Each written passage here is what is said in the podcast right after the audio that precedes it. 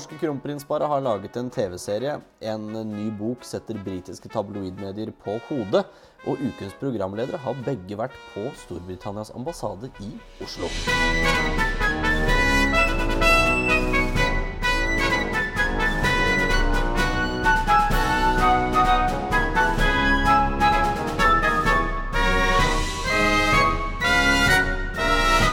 Dette er eh, episode 70 av Undersåttene, podkasten der du får høre både om det ene og det andre om kongelige. Og det er også både det ene og det andre av folk som gjester. Velkommen, Tove Tollesen. Tusen hjertelig takk for at jeg får lov til å være eh, gjest i episode 70. For det er jo et lite jubileum, så det setter jeg stor pris på. Bare 30 episoder igjen til 100, og da lurer jeg på hva slags stort en skal gjøre da. Ja, da må vi i hvert fall, hvis jeg kjenner deg og meg rett, så tror jeg det blir eh, bløtkake og kanskje et lite glass med sherry i helt kongelig ånd. Tror å holder med en kafé av vekk til meg, ja. men sånn ellers så er jeg helt enig. Men eh, hvorfor har du vært og tutla rundt på den britiske ambassaden, Tove? Jo, altså, jeg var jo gjest den, eh, i den britiske residensen under jubileet til dronning Elisabeth, det store jubileet. Og da ble jeg så fascinert av den eiendommen. Og da var jeg jo litt sånn eh, jeg vet ikke, frekk i gåsetegn. For jeg, eh, det var jo et hageselskap, men jeg var jo så nysgjerrig på selve huset, så jeg snek meg jo inn eh, og kikket i de offisielle stuene. og jeg, selvsagt så gikk jeg jo rett til ambassadøren den gang ambassadøren og, og bekjente mine synder, selvfølgelig. Og han syntes bare det var kjempestas og veldig hyggelig. Eh, men det satte jo en liten idé i hodet mitt om at jeg hadde lyst til å gjøre noe med residensen. Og jeg har jo en annen podkast som er med interiør. Eh, og da hadde vi et eh, samarbeid med en britisk porselensleverandør. Og da tenkte jeg tenk så fantastisk å få lov til å dekke et bord i havestuen i Villa Frognes. Så da spurte jeg, og det var ambassadøren Jane, Jan Thomas Thompson veldig eh, positiv til, og inviterte da til eh, julebord eh, på Villa Frognes på Skillevekk. Og det er jo en helt fantastisk eiendom. Det er jo som et lite slott, som nå da er huset til ambassadøren, som hun deler med sine to katter, som hun fortalte i podkasten min. Uh, og disse kattene hadde hun fått i Tsjekkia, og de må jo være verdens mest uh, bereiste katter. For de uh, kom fra Tsjekkia når hun var ambassadør der. hun tok det med seg til India, og så da videre til, til Norge. Så det var en veldig fin samtale. En fin, en fin britisk ambassadør. Det huset er jo er bygget ja, da, 20 år eller noe sånt etter at, etter at Slottet sto ferdig. Så det er jo det, det er mye av, av arkitekturen og og utsmykningene som var like som på Slottet. Det var i hvert fall ett rom der som jeg la merke til som var eh, slående likt fugleværelse. Ja, det var akkurat der vi dekket uh, bord. Og det som er interessant, som hun fortalte også, er at er jo, er, den er jo knyttet sterkt til kongehistorien, hele, hele, huset. I forhold til selvsagt, i forhold til hvilke type gjester som har vært der. Det er jo uh, Stort sett alle de britiske kongelige har jo vært på besøk en eller annen gang gjennom historien. Uh, og jeg syns jo uh, det var veldig interessant, dette kan du helt sikkert mer enn meg, ja, som er historiker, men, men jeg syns også det var veldig interessant at den som har gitt navnet til Villa Frognes, det er jo, det er jo selveste overjegermester uh, Frognes, som da var med i Som var da um, jegermester for de Når vi da var i union med Sverige og disse svenskeprinsene skaffet seg prinsehytta i Sikkelsdalen. Så eh, på en eller annen måte så klarer vi alltid å få litt sånn kongehistorie inn i, i det man eh, Når man møter mennesker, og spesielt når man møter en eh, britisk ambassadør som er så sterkt knyttet til egentlig vår egen kongehistorie også. Så jeg syns det var en veldig, veldig Det var en kjempespennende dag som har gjort et veldig stort inntrykk på meg. Så, det er jo det er den eldste ambassaden siden Norge ble helt uavhengig mm. Eh, i 1905. Den mm. ble etablert i 1906, tror jeg.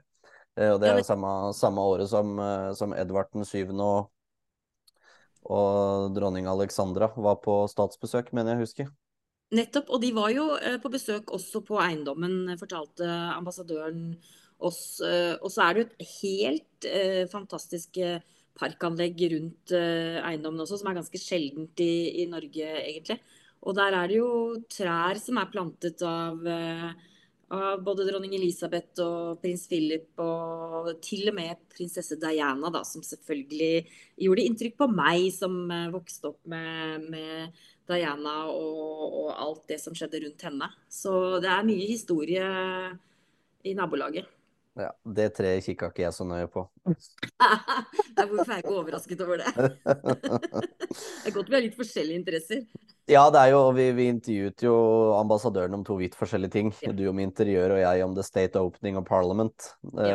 Uh, så det er jo en episode som, som kommer i, i, i, juleferien. Da kommer det både en episode om Gustav Vasa, en om kongedømmet Jerusalem, og en da om The State Opening of Parliament. Så det blir en uh, veldig sånn historisk tung jul i podkasten. Så de av våre lyttere som liker det, kan jo bare glede seg. Ja, og jeg skal i hvert fall høre på de. Eh, for eh, jeg syns det er veldig lærerikt å høre all den kunnskapen som du har. Eh, og så tenker jeg at når man blander litt av, av den tunge bakgrunnskunnskapen som du har, med litt av det liksom lette Diana og The Crown og litt borddekking og, og sånn, så tenker jeg det blir en fin miks, denne episoden her også. Ja, det pleier å bli det, Tove. Og det, det kom jeg på, det er jo litt gøy at du har jo vært gjest i podkasten før. Men ja. du har jo aldri vært hovedgjest. Så Nei, dette, og det jeg er første gang. Ja, jeg synes det er ja, kjempegøy. Det, det blir første, men ikke siste gang. Så det er bare å glede seg framover. Eh, men vi skal jo begynne med litt vi, Selv om jeg er historiker, så er jo dette også en tidvis aktualitetspodkast. Eh, så vi, vi skal jo gå gjennom litt nyheter, og vi begynner jo her hjemme. Det har kommet en TV-serie om kronprinsparet. TV-serie ja. i fem deler på TV 2 mm. som mm. heter 'Kronprinsparet vårt Norge'. Mm. Eh, og den handler jo da om eh, de reisende og, og, den feiringen av deres felles 50-årsdag. Mm. Eh, hvor vi da følger dem på reise, eh, så, som vi sa, privat, men ikke personlig. Mm. Hva, hva syns du? Uh, jeg har jo sett uh, tre av episodene. Jeg har ikke kommet lenger enn det. Nå er jeg ikke sikker på hvor mange som ligger ute akkurat nå. Det er bare men, tre. Ja, riktig. Da jeg har jeg sett de tre. Og jeg har jo skrevet en artikkel i Nettavisen også om mitt inntrykk, førsteinntrykk av serien. og jeg må jo si at og Overskriften i den artikkelen var jo 'Derfor elsker vi Mette-Marit'. Uh, og det tenker jeg er, er veldig sånn treffende for hvert fall mitt førsteinntrykk av um, dokumentarserien. For uh, jeg syns uh, vår kronprinsesse kommer veldig godt ut av det. Jeg syns hun virker trygg, ærlig og, og, genuin i de møtene med menneskene som vi får lov til å være med på. Og det er ikke noe tvil om at når man ser kronprinsparet i den settingen, det er jo dette som forklarer hvorfor kronprinsparet er populære, og hvorfor det norske kongehuset har den standingen som det har. For det er jo nettopp i møtene med menneskene, eh, de vanlige menneskene, eh, i by og bygd. Eh, for de reiser jo på en måte Vi får bli med på, på en tur til Rauland med med kronprinsparet, og spesielt da kronprinsessen, som har eh, vært på flere kurs der og lært seg å veve. Vi møter disse vevedamene som man ser hun har et sånn genuint forhold til. Og hvor mye det betyr for dem da, at kronprinsessen er opptatt av tradisjonshåndverk og, og, egentlig er med på å sette fokus på, på noe som er en liten gruppe av mennesker i Norge som holder på med, men som er en kjempeviktig del av nasjonalhistorien nasjonal vår egentlig, og, og skattene våre. Og der syns jeg hun er helt genial, altså. Og, og, når man ser at hun Når de skal møte Vi ser liksom bakhistorien når, når um, vanlige folk skal møte dem, hvordan de forbereder seg til, til dette møtet. Sånn som eh, de, mor og datter på bakeriet da, som skulle få besøk av kronprinsparet. Eh, hvor, hvor, tidlig de står opp om morgenen, eh, hvor pene klær de har på seg, hvor nystrøkne de, eh, de forklærne de har på seg er og hvor, hvor, eh, alt er tilrettelagt, og hvordan de gleder seg til, ha, eh, til at de skal komme, men også gruer seg, for det er jo kronprinsparet. Og så når de kommer, så blir det bare en varm, fin samtale. Så det syns jeg er helt genialt av Det kongelige hoff å lage en dokumentarserie hvor vi får bli med på de møtene. Altså Det blir jo som å være med på fylkesturer og kommunebesøk. Eh, og det er der styrken hos kongehuset ligger, etter min mening. Det er de direkte møtene med, med folket. Og det er genialt PR-stunt, eh, kan vi også kalle det, fra Det kongelige hoff. I forhold til å bygge kronprinsparet også, tenker jeg, som det nye eh, regjerende kongeparet når den tid kommer inn i fremtiden. Så, og samtidig så er det jo nå, jeg er begeistret, men jeg, jeg, prøver å se litt sånn nyansert på det òg. For det er klart det er jo et tilrettelagt program for at vi skal kjenne på alle følelsene. Det, det jo, øh, jeg ble rørt, og jeg, jeg lo, og jeg ble litt lei meg. Altså, hele spekteret av følelser. Så var det jo ekstra spennende å høre deres egne tanker om eh, når de møttes. Eh, dette berømte presse pressemøtet på Sankthanshaugen, eh, som ikke var et pressemøte, men som ble et sånn spontant pressemøte. Hvor de forteller oss nå at de gjorde det for å, for å få tak, altså for å beholde sitt eget narrativ i sin egen kjærlighetshistorie, egentlig. Så jeg syns det er, det er vel, en vellaget dokumentarserie og et genialt PR-stunt. Hva hva, hva, tenker du om kritikken om at det liksom er et bestillingsverk? Du var jo litt inne på det med, med at det liksom er et veldig styrt narrativ. Ja, men det, det tenker jeg jo når det gjelder kongehuset. Eh, så eh, må vi alltid ha i bakhodet at alt som kommer fra eh, en institusjon som det er, eh, er jo regissert. Og det er planlagt, og det er en strategi som ligger bak. Og da tenker jeg selvsagt for eh, kongehuset er jo ikke bare en konge, dronning og kronprins og kronprinsesse. Det er jo også en institusjon som skal eh, bevares i, inn i fremtiden også. Og da må de ha en strategi på hvordan, hvordan det skal gjøres. Som alle andre bedrifter har. Eh, og det må vi være våkne og forstå. Og det tenker jeg det norske folket skjønner. Eh, og det er klart det er jo et bestillingsverk, for hvis ikke så hadde det aldri skjedd. Eh, jeg tenker at dette her er en en ny, eh, kanskje ikke så innovativ og moderne, men en ny versjon av Året med kongefamilien, som, som har gått på NRK i, i en evighet. Eh, så er dette en, en, ny versjon av det, eh, som kronprinsparet helt klart har regien for. Og de velger helt klart hva de vil at eh, vi skal eh, se og høre og være med på. Eh, og det er jo sånn det norske kongehuset er. De er åpne, men, men eh, inntil et, viss, et visst sted.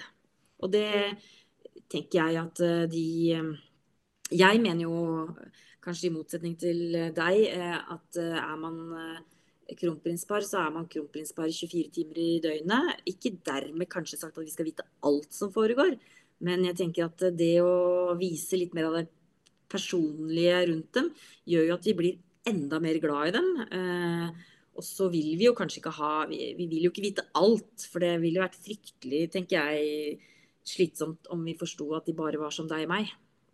Helt vanlige mennesker.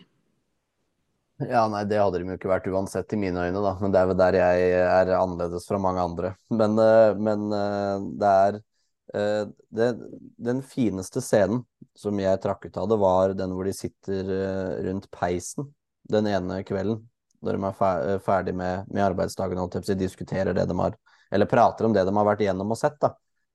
For det er, det er så private personlig vi trenger å se dem. Vi trenger ikke mer. Og det var jo akkurat den scenen jeg trakk frem i min artikkel, eh, som jeg mente var den dårligste. Fordi ja. eh, det er der jeg opplevde at jeg følte de var At det var mest regissert. Uh, og at det var uh, nesten som et skuespill. Uh, og jeg følte også at dialogen mellom kronprinsparet også var kunstig. I motsetning til i møtene med, med mennesker, hvor jeg syns den ekte Mette-Marit eller kronprinsessen kom frem, og den ekte kronprinsen kom frem. mens i sofaen på den hytta for meg så virket det veldig tilgjort. Det var en veldig nedskalert hytte eh, så norsk som det overhodet går an, og gjennomsnittsnorsk som det overhodet går an å bli. Eh, og de snakker Jeg syns hele dialogen var veldig kunstig og tilgjort, egentlig. Så, men det er fint, for man har forskjellige synsvinkler på ting. Og det er jo det som gjør at det er så interessant å, å lage podkast med deg òg. Fordi vi har forskjellig syn på ting, og det tenker jeg er bra for lytterne òg. Ja, og jeg er, jo, jeg er jo både teatermann og elsker jo pomp og prakt, så det at måten tar, vekk litt pomp og prakt med å ha litt regi, det skader ikke meg. det er herlig. Men vi er jo enige om at det var en bra eh, dokumentarserie, eller at det er en bra serie som er verdt å se på. Absolutt. Det, kan anbefale til alle som er, har en smule av interesse for, for Det kongelige. Så er dette mm. en, en, fin serie for å bli kjent med vårt, uh, vårt kommende regentpar. Mm. Og da er det jo bare egentlig samtidig å lese boka til kronprinsen. For da har ja. du, da har du, du Fordi at det er, det er mye um, det er mye likt i de bøkene Eller på en måte sånn Hvis, hvis en leser litt mellom linjene, da, av hva som på en måte er tema uh, for kronprinsen og kronprinsparet sammen, uh, så kommer det godt frem både i boka og i serien. Og det å både ha, både ha det liksom rent audiovisuelt og bare skriftlig, er fint. For da når du egentlig ut til veldig store og brede deler av befolkningen. Og jeg er så enig med deg eh, at de, de, to, den biografien og dokumentarserien, hører veldig godt sammen. Eh, og bærer veldig preg av at det er et eh, bestillingsverk fra Det kongelige hoff. Eh, og det jeg syns bare er litt synd med egentlig begge deler, eh, og det har jeg også skrevet en artikkel eh, om, den biografien til kronprinsen, er jo at den er dørgrende kjedelig. Altså, syns du det? Er, og den er så politisk korrekt. Den er så ordentlig. Og jeg skulle så ønske jeg har noen gang litt lyst til å riste litt i kronprinsen. Og så få frem litt mer humor, få frem litt mer, litt mer av, av, av fasettene som, som, man har, da. For han har jo glimt i øyet. Og han har jo på en måte noen vittige kommentarer. Uh, og jeg skulle så ønske at det kom litt mer frem. Mens, uh, mens uh, jeg syns det blir litt sånn rart når, når, det til og med står i boka at ja, vi kan bruke a-endinger, men ikke for mange, da. Så det virker rart. Altså, kan man ikke bare være seg sjøl, altså, med a-endinger eller ikke-endinger? med dialekt eller ikke-dialekt? Altså, vi, vi, vi, kommer jo ikke til å like kronprinsen noe mer eller mindre hvordan han snakker. Det er jo personen Eh, det er personen som vi, som vi eh, skal være begeistra for, og som vi, skal, eh, som vi skal se på som en fremtidig god konge. Så jeg, jeg, jeg sparker litt til kronprinsen her og sier at nå må du vise litt mer av, av den personligheten din også, sånn at det ikke det blir så Det er ikke så farlig å være ekte, vet du. Det er ikke så farlig. Syns kronprins skal fortsette i akkurat samme banen som han har gjort fram til nå, jeg. Nettopp igjen så er det så utrolig interessant å snakke med deg. Det... Men nå er jeg historiker, da. Jeg elsker jo det tørt og kjedelig, holdt jeg på å si. Og at det er liksom bare ja. fakta på fakta på fakta. Beskrive litt, fortelle litt. Og så nei, nei, men vi skal ikke, vi, vi skal ikke gjøre for meget her. Det, det, er jo akkurat det jeg vil ha. Uh, og det har jeg fått nesten 600 sider av med boka til kronprinsen, så jeg, uh, jeg er ikke helt ferdig med den ennå, da. Uh, men, men den er veldig jeg, jeg, liker den godt, da. Men jeg har jo også en Jeg liker godt biografier. Uh, det er, eh, er, liksom den type bøker jeg, bøker jeg liker. Og han Det, det er jo som kronprinsesse Mette-Marit sa, at uh, det blir interessant at Norges mest reserverte mann skal gi ut bok. Mm. Men det er, jo, det er, jo, nettopp det du sier der som gjør at uh, boka er jo bra, den. Det er jo ikke noe gærent med den. Den er jo så politisk korrekt at det, det, du, skal jo, du, skal jo, virkelig jobbe hardt for å finne noe som er kontroversielt i den boka eller noe som er nytt og interessant, eller noe som du sperrer opp øynene på.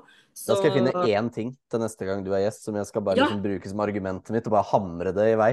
Bare den ene, ene, tingen. Gjør det, det ene, det ene jeg syns var litt artig i den boka, for jeg har jo lest hele. Uh, det ene jeg syns var litt artig der, som var nytt for meg også, faktisk, var jo at uh, uh, kronprinsen gikk ned på kne for å fri til Mette, frøken Mette-Marit Tjessem Høiby Eh, i full uniform. Eh, fordi han var jo på vei inn Dette måtte skje kjapt, visstnok. Og da var han på vei inn i statsråd, dette var jeg husker. Eh, og da kasta han seg ned på kne og fridde til henne i, i, full uniform. Og det må både du og jeg være enig i. Mer kongelig enn det er det ikke mulig å gjøre det på. Nei, jeg synes jo det, det, det, det, høres jo litt ut som det, er, som, som det er en scene tatt ut av alle disse der kjempedårlige Netflix-filmene som liksom skal handle om kongelige. Det, det, men, men, det er gøy at, har, at selv de Netflix-filmene har sin rot i virkeligheten. Jeg er helt enig. Helt enig. Vi må jo bevege oss litt, litt videre, da, for på søndag så er det en 18-årsdag. Men feiringen den er nå på eh, fredag, altså i morgen da, for, for, deg og meg, Tove. I dag mm. for våre lyttere. Mm. Eh, for det er prins Sverre Magnus som blir 18, eh, og det skal da være en, en liten lunsj på Slottet, til forskjell fra den gedigne gallamiddagen som ble holdt for prinsesse Ingrid Alexandra. Og det, Men... dette, dette staker jo ut kursen for hvilken rolle prins Sverre Magnus skal ha uh, i kongehuset. Mm. Jeg vil jo eh, Først og fremst så må man jo si gratulerer med dagen til, uh, til prinsen, hvis han hører på episoden. Og... Da blir jeg veldig glad, iallfall. Så gratulerer ja. med dagen, prins Sverre Magnus. Ja. det tenker jeg vi skal ta som en selvfølge at han gjør. Men ja. jeg, jeg tenker at Jeg vil jo kanskje si vi, vi ikke, Jeg tror ikke vi skal si at det er en liten lunsj, for det er aldri små lunsjer på Slottet. Det Nei, det var ikke det, men, men det er, til, til, sammenligning med en gallamiddag, så er det jo ikke like stort, da. Ja, det er sant. For det er ganske råflott også å få en lunsj på, på Slottet. Uh, det, da tas virkelig alt som på en måte av det fineste porselen, uh, krystall. Da er det krystall fra, som du elsker, vet du, fra kong Karl ja. Johan sin tid. Og det er eh, damask fra, fra, når Slottet ble bygget. Så, så, og det er sølvbestikk eh, i, eh, i, rekke og rad utenfor tallerken. Eh, og det serveres eh, helt sikkert eh, ikke en enkel lunsj som du og jeg kanskje er vant til, men da er det i hvert fall tre retter, om ikke fire retters lunsj. Og, og, det er norske råvarer. Og det er jo det er helt sikkert et fantastisk pynta bord. Igjen, ikke sant, som jeg er opptatt av det, det, visuelle og det estetiske på det.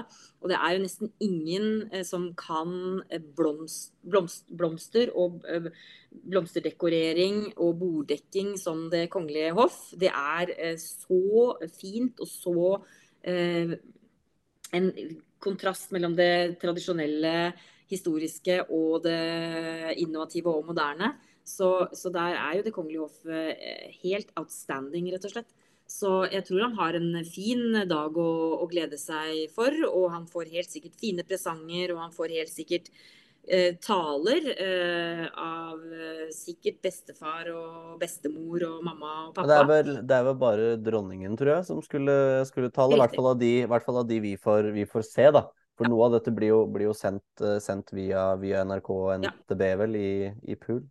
Ja. Så jeg tenker at det blir en kjempefin feiring. Men som du sier, det er jo en nedskalert feiring fordi han er jo da nummer to.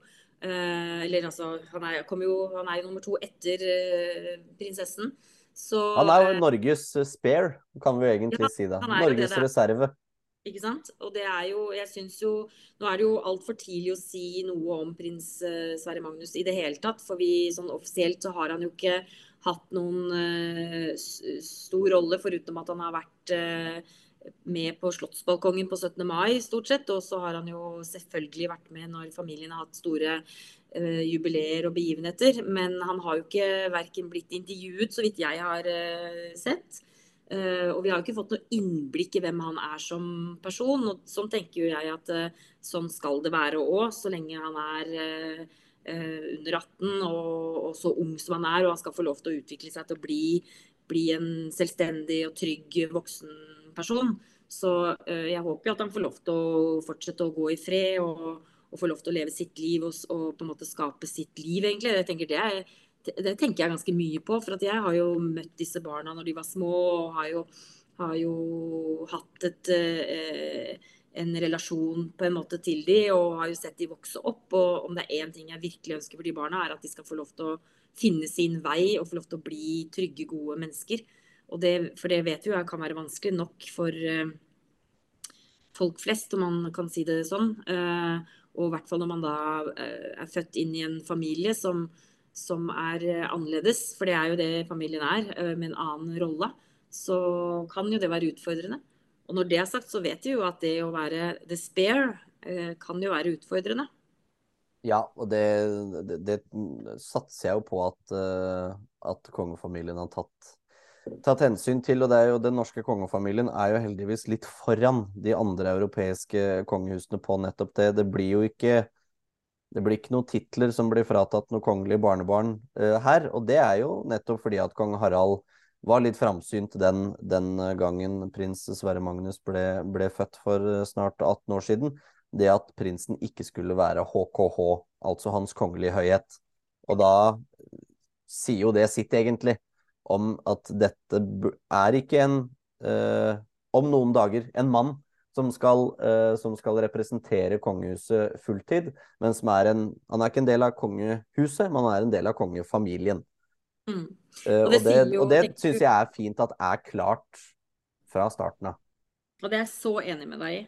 Og jeg tenker det sier jo også noe om hvor klok kong Harald er eh, som eh, Eh, som konge og som eh, menneske og som far og bestefar, egentlig. Eh, at han er framsynt og, og, og, hele tiden har klarer å tenke flere tanker i hodet samtidig.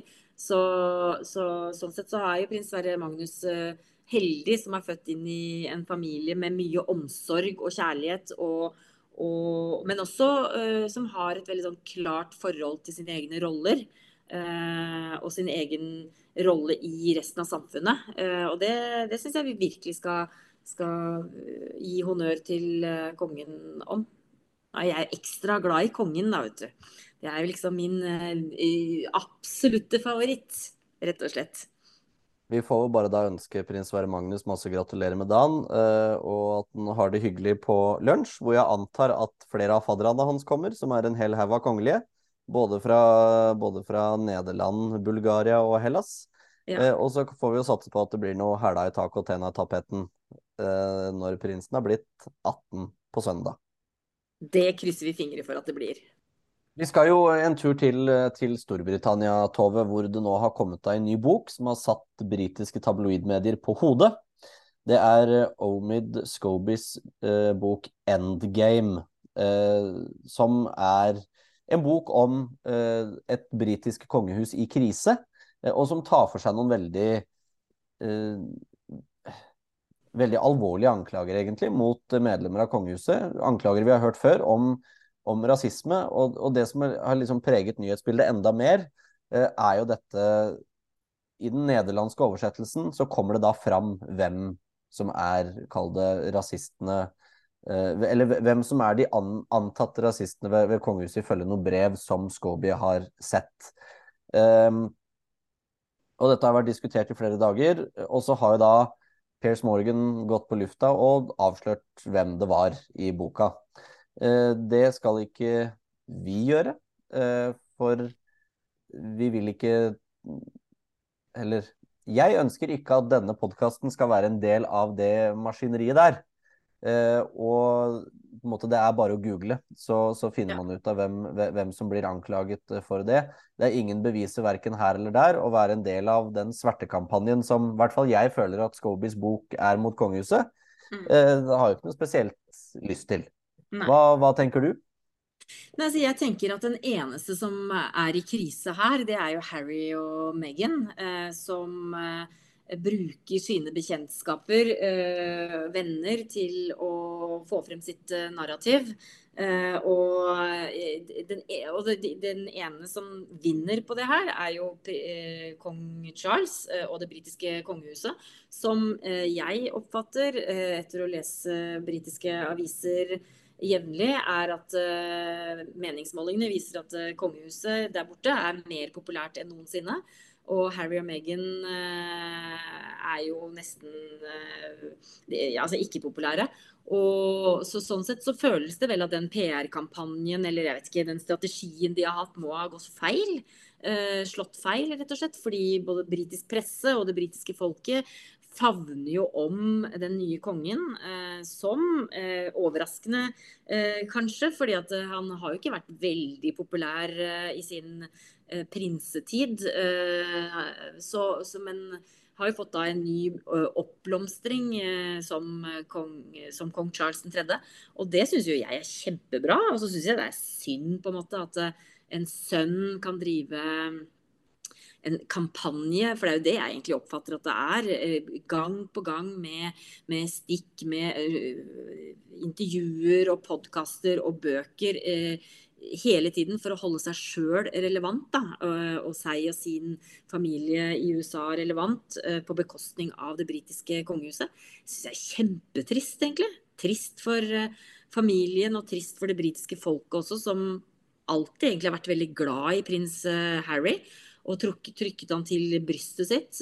Mens nå begynner de å miste tålmodigheten, rett og slett. Og denne boka er jo bare helt Nå har jeg jo ikke lest den, men jeg har bare lest utdrag av den.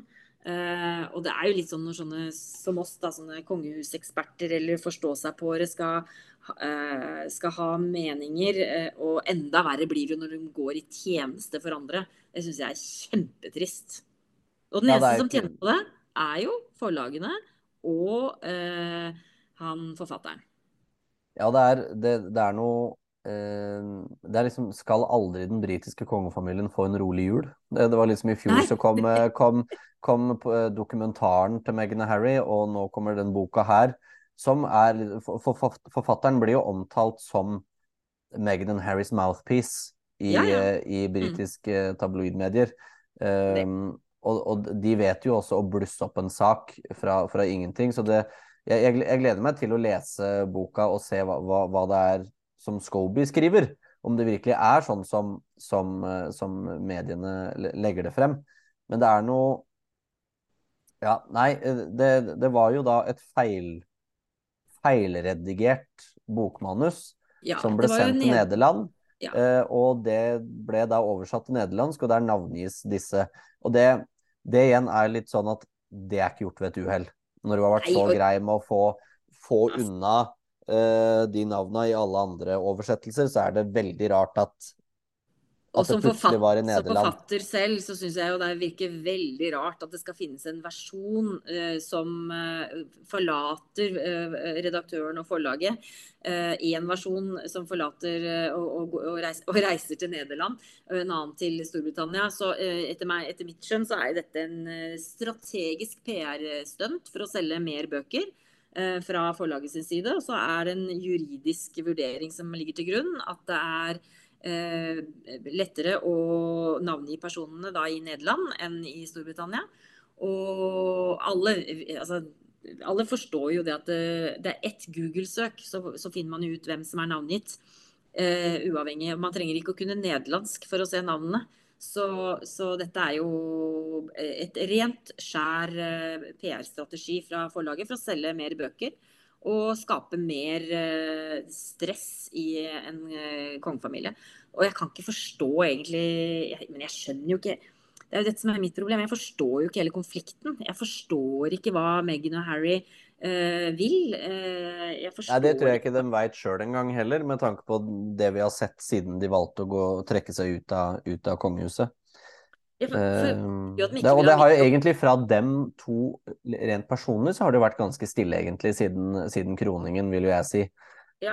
Men, men, så er det jo når de da har andre som, som går i deres tjeneste, og det, det, er, ikke, det er ikke noe galt i å gå uh, hertugparet av Sussex sin tjeneste, fordi at de trenger venner og folk som forsvarer dem, dem og som alle andre. og i hvert fall i den utsatte posisjonen de er i. Eh, men det må gjøres på riktig måte. Og dette, dette brevet som det henvises til i boka, det er det eh, mest sannsynlig kanskje Scobie har sett det, hvis han mm. er så nære hertugparet som, som, han forteller om. Mm. Um, men det er ikke noe bilde av det i boka. Det, vi får ikke se hva som er skrevet. Det er ingen Vi får bare høre at den stilte spørsmål ved prins Archies hudfarge men jeg kan ikke navngi dem, for det ville ført til rettslige konsekvenser. I den engelske versjonen, mens i mm. Nederland så har de jo da blitt navngitt. Ja. Og vi vet jo heller ikke hvordan den samtalen gikk heller. ikke sant? Vi vet jo ikke hva som ble sagt, og i hvilken, hvilken uh, mening det ble sagt, eller hvilken form det ble sagt heller. Så for oss så blir det jo eh, bare å liksom snakke om noe vi egentlig ikke vet. Men uh, at Ja, så er det det, det, det britiske kongehuset, i hvert fall siden november i fjor, det har jo vist det at de klarer å takle de ja. der uh, rasismeanklagene, og at de klarer å jobbe imot dem. Med, med da eksempelet Lady Susan Hussey. eh, fra i fjor som, som stilte, stilte, spørsmål gjentatte ganger hvor er du egentlig fra? Mm. Eh, som, som, som, på en måte ikke er Det, det kan du ikke gjøre. Det ble, og, og, det blei jo rydda opp i på en god måte, sånn rent utad, da. Mm. På den måten vi har fått, fått, se det, så fremstår det som at, at kongehuset er litt mer moderne og ikke eh, tolererer ja. den type holdninger. Men at vi skal lese boka, det er sikkert og visst. Ja, et, det blir interessant. Uh, så får vi se da om vi ler eller griner når vi er ferdig. ja, det blir spennende. Men over til noe annet som har skapt litt furore for noen uker siden. Siste sesongen av The Crown. Og jeg elsker det! ja vel. Ja vel.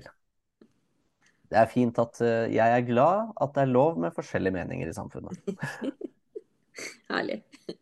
Ja, jeg, jeg syns jo Jeg skrev en kommentar om det i, i, uh, hos TV 2 på tv2.no.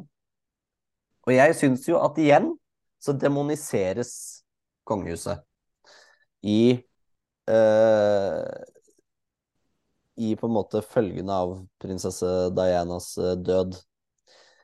og det som også er litt sånn tankekors, er det at det er, det er tre Kall det sånn uh, filmer, serier, teaterstykker, uh, som beskriver dronning Elisabeth og henne bak lukkede dører. Det er The Queen, uh, teaterstykket The Audience og nå da The Crown. Og hovedmannen bak alle tre, det er Peter Morgan. Så det er altså én mann som styrer narrativet på hvordan vi oppfatter det britiske kongehuset bak lukkede dører etter at Diana døde. Mm. Det er eh, Det er litt Jeg syns Peter Morgan balanserte det bedre i The Queen. Hvor det liksom kommer fram at dette var en gjennomtenkt, kall det handling, på bakgrunn av både tradisjoner, men også et ønske om å hegne om prins William og prins Harry. Mens i The Crown så faller det veldig gjennom. Jeg tror jeg det er to setninger. Jeg er faktisk ikke helt enig med deg der igjen. Ingen overraskelse, kanskje. fordi at eh, jeg har jo sett alle episodene. Uh, og ja, jeg kan være enig i at det er spekulativt at en, en manusforfatter legger ord i, i munnen på på Diana og, eh, og han Dodi Al-Fayed om hva som skjedde bak lukkede dører, som vi alle har vært nysgjerrig på i de siste dagene før, før Diana døde i, eh, i den tunnelen i Paris. Uh, og, ja, men Det er greit nok. Det er sånn de har gjort hele tida med dronning Elisabeth og prins Philip òg det er, jo, det er, jo, spekulativt, ikke sant. Vi, for da får vi jo på en måte Vi får jo svar på hva som skjedde bak lukkede dører. Og så vet jo vi at det ikke er sannheten, for det vet man jo ikke, for vi var jo ikke der. Så, men, men det jeg syns jo Den jeg syns kommer dårligst ut i denne sesong, altså denne første delen av sesongen, det er jo ikke det britiske kongehuset, men det er jo definitivt eh, Dodi Al-Fayed og Mohammed Al-Fayed kommer jo eh, ekstremt dårlig ut av det. Eh, de blir jo beskrevet, eh, altså eh, Mohammed Al-Fayed blir jo beskrevet som en egyptisk lykkejeger som kun er interessert i å få britisk statsborgerskap og er villig til å selge sønnen sin for å komme inn i den britiske kongefamilien. Og, og sønnen blir jo fremstilt som en veig eh, svekling som ikke, har, som ikke, tør å ha egne meninger, og som, som lar seg styre av faren sin. Eh, altså Hadde jeg vært den familien, så hadde jeg jo i hvert fall vært irritert på The, the Crown. Mens jeg syns jo at uh, Charles eh, oppfatter jeg kommer frem som en ganske sympatisk eh, mann. Relativt sympatisk mann, tatt i betraktning at han er kongelig på den tiden med sine begrensninger i forhold til hvordan han taklet hvordan, når de fikk vite at Diana døde, at at, uh, hvordan han på en måte trøstet sønnene, og hvordan han var til stede for å kjempe egentlig for uh, ekskona si uh, mot mor og mot mor, egentlig. og jeg skjønner jo også at manusforfatter ønsker å vise den, den indre motstanden som dronning Elisabeth nødvendigvis må ha følt uh, i de dagene fra Diana døde til de reiste til London. For hvis ikke så hadde hun jo reist til London med en gang. Så jeg tenker det er jo ikke spekulativt. Uh, jeg syns jo faktisk de sier og det tenker jeg egentlig er også en god forklaring også på hvorfor hun ikke reiste til London direkte og adresserte eh, folket. Eh, det er jo Hun var en generasjon som hadde distanse til, til presse, til eh, direkte kontakt med, med, med media. Eh, og at hun måtte overtales. Og når hun sier men vi er jo i Skottland, det er tryggere for barna å være her eh, enn å dra dit til London hvor det er helt galskap, ser det ut til på TV. Så, så, på mange måter så tenker jeg det er nyansert. Jeg, jeg syns ikke, ikke, den er så spekulativ som du, som du sier. Men, eh, men, det er jo fiksjon. Det er jo Jo da, men, det er, men der, der, er, de har vært mye nærmere kall det på en måte til en, til en sannhet tidligere. Og det er, dette er jo problemet med når du kommer nærmere, nærmere den moderne verden. Men det, er så, det er så mange punkter som Peter Morgan kunne ha lagt inn som hadde bedret Eh, oppfatningen av kongehuset. Nå så er det to, syns jeg. Det er når prins Charles sier det at nå er det jaggu på tide at prins William får kjenne på hva det betyr å være landets neste konge. Mm. Han må ut. Og det må dere òg, sier han mm. til dronning Elisabeth og prins Philip. Og da sier mm. dronning Elisabeth at jeg er både bestemor og jeg er dronning, og akkurat mm. nå så får førstnevnte forrang. Mm den funker. Og øh, når de går bak kista til Diana, mm. og uh, prins William uh, sier da Hvorfor gråter de for en kvinne de ikke kjenner? Mm. Og da sier prins Philip at det er ikke henne de gråter for, det er deg. Mm. Det mm. er de to tinga. Og mm. det som bare det, det, som gjorde at jeg blei Da banna jeg i sofaen da jeg satt og så på det, er det at selvfølgelig er det begravelsen til prinsesse Diana hvor de har kløpt inn bilder fra virkeligheten. Ja, enig. Det, og der, det er liksom Der får du liksom spikeren bare rett i kneet. Eh, spør meg på hvorfor, hvorfor det er, er uh, spekulativt. For der handler det bare om å vekke Eh, de følelsene folk hadde da hun døde, og de fikk se den begravelsen. Og nå er jeg uh, født året vi... etter hun ble borte. Ja, så jeg har ikke, ikke, opplevd det, men jeg syns derfor at det blir spekulativt. Ja, Men jeg tenker man må jo se The Crown som et eh, kostymedrama, som en location-drama som eh, en Man kan ikke se på det som en historisk eh, sannhet, for det er det jo ikke. Det er jo fiksjon fra ende til annen som er basert på eh, faktiske hendelser. Eh, Men da kan du ikke bruke klipp fra virkeligheten hvis det skal være drama? Nei, og det kan jeg være enig med deg at det er ganske spekulativt. Det er jeg helt enig med deg i. Men jeg velger å se på The Crown som på en måte en fest, uh, fyrverkeri av Eh, for oss som er konge og historie, altså kanskje ikke historie, som er konge og historieinteresserte. Fordi vi får på en måte en sånn light-versjon av eh, innsikt inn i noe vi er nysgjerrig på.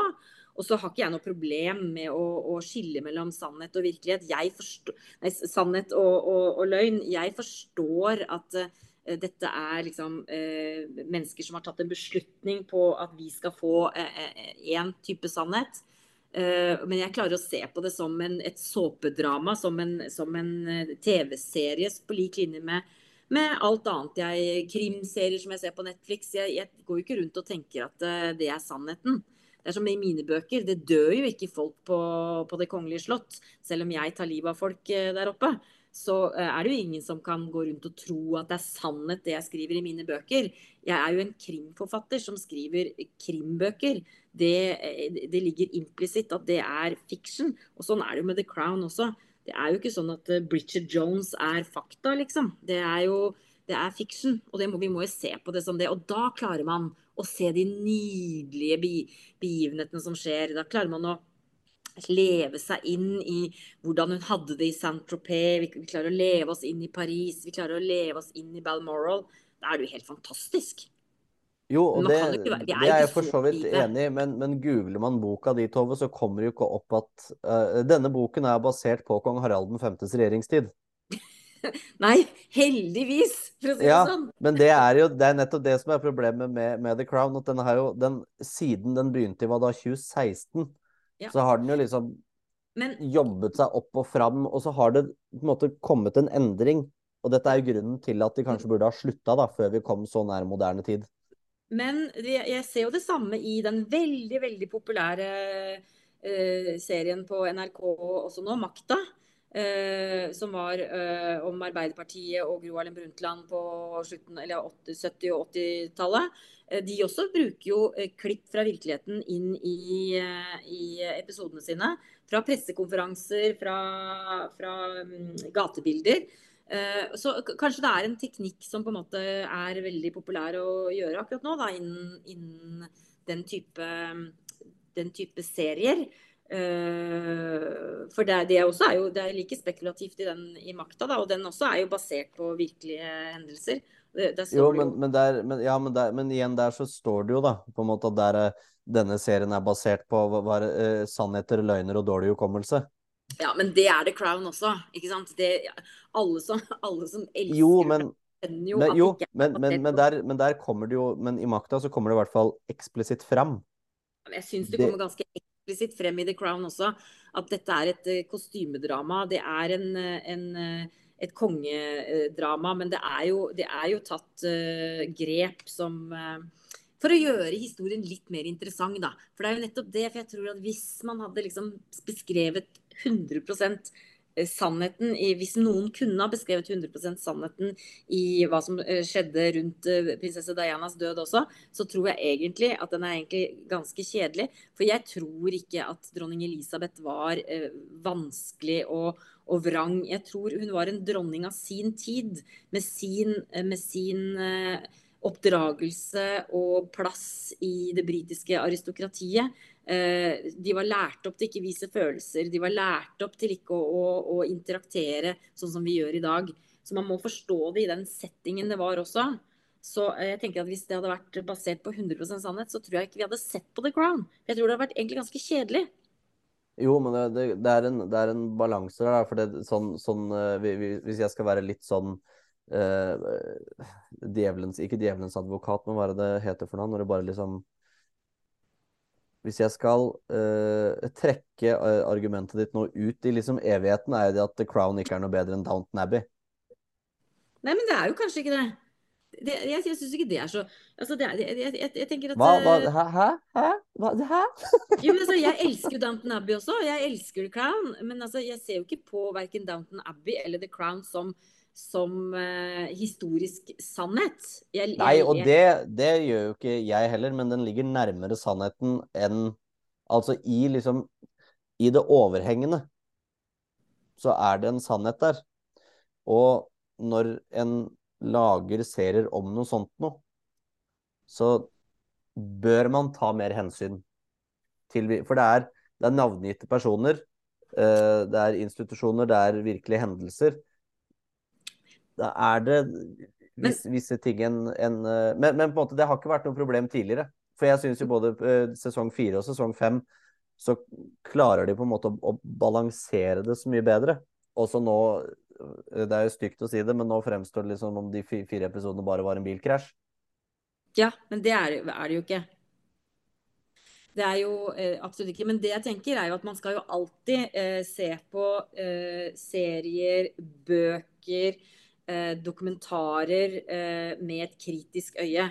Fordi at eh, hvis vi skal sluke Nå har vi snakket om flere bøker. Vi har snakket om kronprinsens biografi, vi har snakket om The End Game, vi har snakket om The Crown, og vi har snakket om dokumentarserien til kronprinsparet. Jeg tenker Alle de tingene skal vi se på med et kritisk øye, og ikke sluke det som sannhet.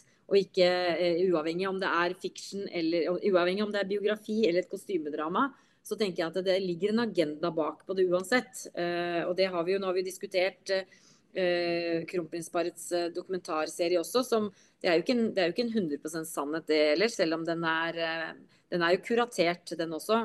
Så vi må, vi må alltid se på ting på en, med et våkent blikk og et kritisk blikk, tenker jeg. Og ikke svelge det for, for at vi blir presentert sannheter. Eh, og så vet jeg at du som historiker selvfølgelig er selvsagt opptatt av at man holder liksom historien korrekt.